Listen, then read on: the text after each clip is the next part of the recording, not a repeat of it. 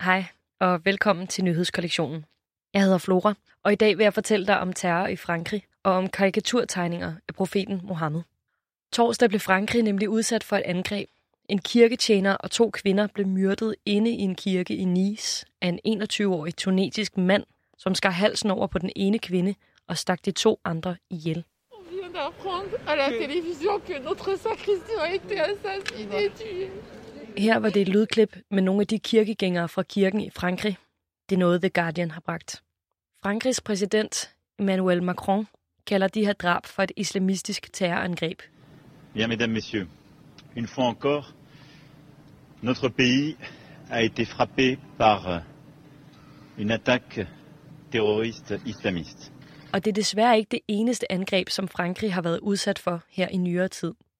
Øh, det tredje faktisk, øh, siden vi kom tilbage fra sommerferie. Så det er tungt lige nu, og folk er trætte. Der er sådan en, en generel katastrofestemning i hele landet. Øh, sådan en, en nødstemning næsten, og det, det virker meget voldsomt. Det fortæller Louise Sandager, som er Radio Louds Frankrig-korrespondent. Så det er jo et nyt anslag mod Frankrig, en serie af terrorhandlinger, som vi har haft begyndende helt tilbage i 2015, og som nu kommer op igen. Terrorangrebene er ikke det eneste, der rammer Frankrig lige nu. Tusindvis af mennesker er gået på gaden i lande som Bangladesh, i Pakistan og i Tyrkiet, og de demonstrerer mod Frankrigs præsident Emmanuel Macron.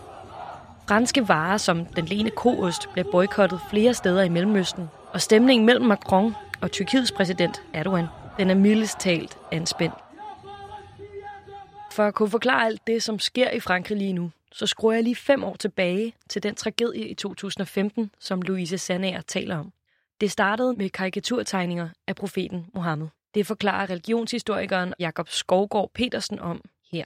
radikale og militante muslimske organisationer som Al-Qaida og Islamisk Stat, dem der havde lavet sådan en radikal stat i Syrien, de prøvede at få muslimer til at slå til mod mål i Europa. Og det lykkedes mig altså at mobilisere nogle muslimer i Frankrig til at angribe Charlie Hebdo, som er sådan en slags tegneserieudgivelse, der sådan laver satire over alting, inklusiv religion, og altså fremstillet mere karikerende tegninger af profeten Mohammed. Og i 2015 var der så jihadistiske terrorister, altså nogen, der havde en islamisk jihadistisk ideologi, der stormede ind på redaktionen i Charlie Hebdo og dræbte en del af dem, der arbejdede der. Så det var en meget, meget voldsom og meget traumatisk ting i Frankrig. Det er de samme tegninger fra Charlie Hebdo, der i dag får muslimer til at demonstrere rundt om i verden. Og det er dem, som har givet nye terrorister anledning til at slå folk ihjel i Frankrig. Hvorfor det er blusset op igen, det kommer vi til. Først har jeg bedt Jakob Skovgaard Petersen om at forklare, hvorfor at nogle satiretegninger af Mohammed kan skabe så meget uro. Hvem er profeten Mohammed? Profeten Mohammed er jo en mand, som levede for næsten 1500 år siden og modtog åbenbaringer fra Gud gennem en engel, som han gav videre til folk, og som så senere blev samlet i Koranen. Han grundlagde også en tro, og den blev så meget stor. Sammen med kristendommen er islam verdens største religion. Hvor stor er han? Altså kan han sammenlignes med øh, Jesus i kristendommen for eksempel? Ja, det, det er den oplagte sammenligning. Der er jo selvfølgelig den store forskel, at kristne tror, at Jesus simpelthen er Guds søn og i sig selv guddommelig, mens muslimer mener, at Mohammed bare var et menneske, men til gengæld et ufejlbarligt menneske, fordi Gud havde udvalgt ham og beskyttet ham og på en måde oplærte ham. Og det gør også, at alt hvad Mohammed har gjort, det øh, bør man som muslim egentlig også gøre. Altså han er en slags rollemodel. Hvordan kan det være, at det kan skabe så store følelser hos folk, at man tegner ham? Det er heller ikke rigtigt bare det, at man tegner ham. For i virkeligheden har muslimer tegnet ham igennem århundreder. Det er det, man tegner ham foragteligt og nedgørende, og for ligesom at trække ham ned i sølet. Hvis man gør det med de intentioner, så vil muslimer føle, at det er en form for personlig forhåndelse, eller nogen muslimer føler kraftigt sådan. Jeg tror ikke, at muslimer var blevet særlig optaget af det, hvis det var nogle af de flotte billeder, man havde lavet af Mohammed. Vi skruer tiden frem til 2020 igen. I september der blev sagen om Charlie Hebdo fra 2015 nemlig rippet op igen, For der begyndte retssagen mod de 14 personer, som er anklaget for at have medvirket til drabene på de mennesker, der arbejder hos Charlie Hebdo.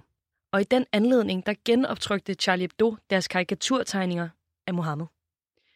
Det skabte røre rundt omkring i verden. Men Frankrigs præsident Emmanuel Macron ville ikke kritisere Charlie Hebdo for at genoptrykke billederne af Mohammed. Og det har vagt store følelser hos folk fra nær og fjern. Lige nu er Macron ikke særlig populær i Mellemøsten. Ikke alene er han og landet presset af de her kan man sige, individuelle terrorangreb. Øh, der er jo også flere muslimske lande, som i øjeblikket øh, boykotter franske varer, brænder billeder af i Mellemøsten af Macron. Øh, den tyrkiske præsident, som går ud og siger, at han mener, at den franske præsident Macron må være mentalt øh, syg, altså sindssyg, øh, fordi han bakker op omkring øh, de her øh, satiretegninger. Så det er også kommet til et, kan man sige, en voldsom konflikt mellem Frankrig og den muslimske verden lige nu. Det fortæller Louise Senner. Konflikten i Frankrig eskalerede endnu mere for nogle uger tilbage. Den 16. oktober blev Frankrig nemlig også ramt af terror. En ung mand fra Tjetjenien skar halsen over på læreren Samuel Paty, efter han havde vist sine elever satiretegningerne fra Charlie Hebdo. Og her var Macrons håndtering af sagen ikke lige frem konfliktnedtrapning, siger Jakob Skovgaard Petersen. Frankrigs præsident øh, Macron valgte ikke ligesom at berolige muslimer, som jo også var rystet over angrebet, øh, og sige, det, vi ved godt, det ikke har noget med jer andre at gøre, men det er denne her mand, der har gjort det. Men han valgte i stedet for at tale om, at islam er i krise og sådan noget, hvad man jo kan sige, i hvert fald om denne her person, men jo ikke om alle mulige andre muslimer, som lever deres fredelige liv. Så det var med til, at øh, der så var nogen, der på trods af, at det hele udsprang af et forfærdeligt rovmord, så blev de ligesom vrede på Frankrig. Og det har navnligt Tyrkiets præsident Erdogan stået i spidsen for. Så det er blevet pisket meget op i den muslimske verden, og det mærker man meget i de her dage.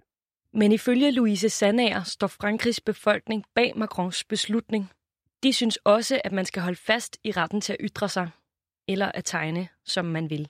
Han er simpelthen også nødt til at gå ud og vise, at han er repræsentant for den frie verden, for et frit Frankrig, hvor man har lov til at sige, hvad man mener, også at tegne noget, som de andre ikke bryder sig om. For ytringsfriheden er simpelthen hellig i Frankrig, siger Louise Sandager. Og den er franskmændene stadig klar på at kæmpe for. Det er en af grundpillerne i den franske republik.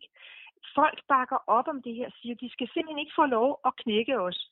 Fordi hvis vi først begynder at lave selvcensur og ikke ture de her ting, jamen så har de jo øh, vundet et eller andet sted. Så, så folk bakker op om det her, og jeg tror, jeg tror virkelig, at, at det forstærkes. Men omvendt må man jo sige, at der også den her frygt. Hvornår holder det op? Jeg hørte lige en kvinde i, i nyhederne, som siger, at det bliver jo bare ved og ved og ved. Og det er jo altså faktisk ret frygtindgydende.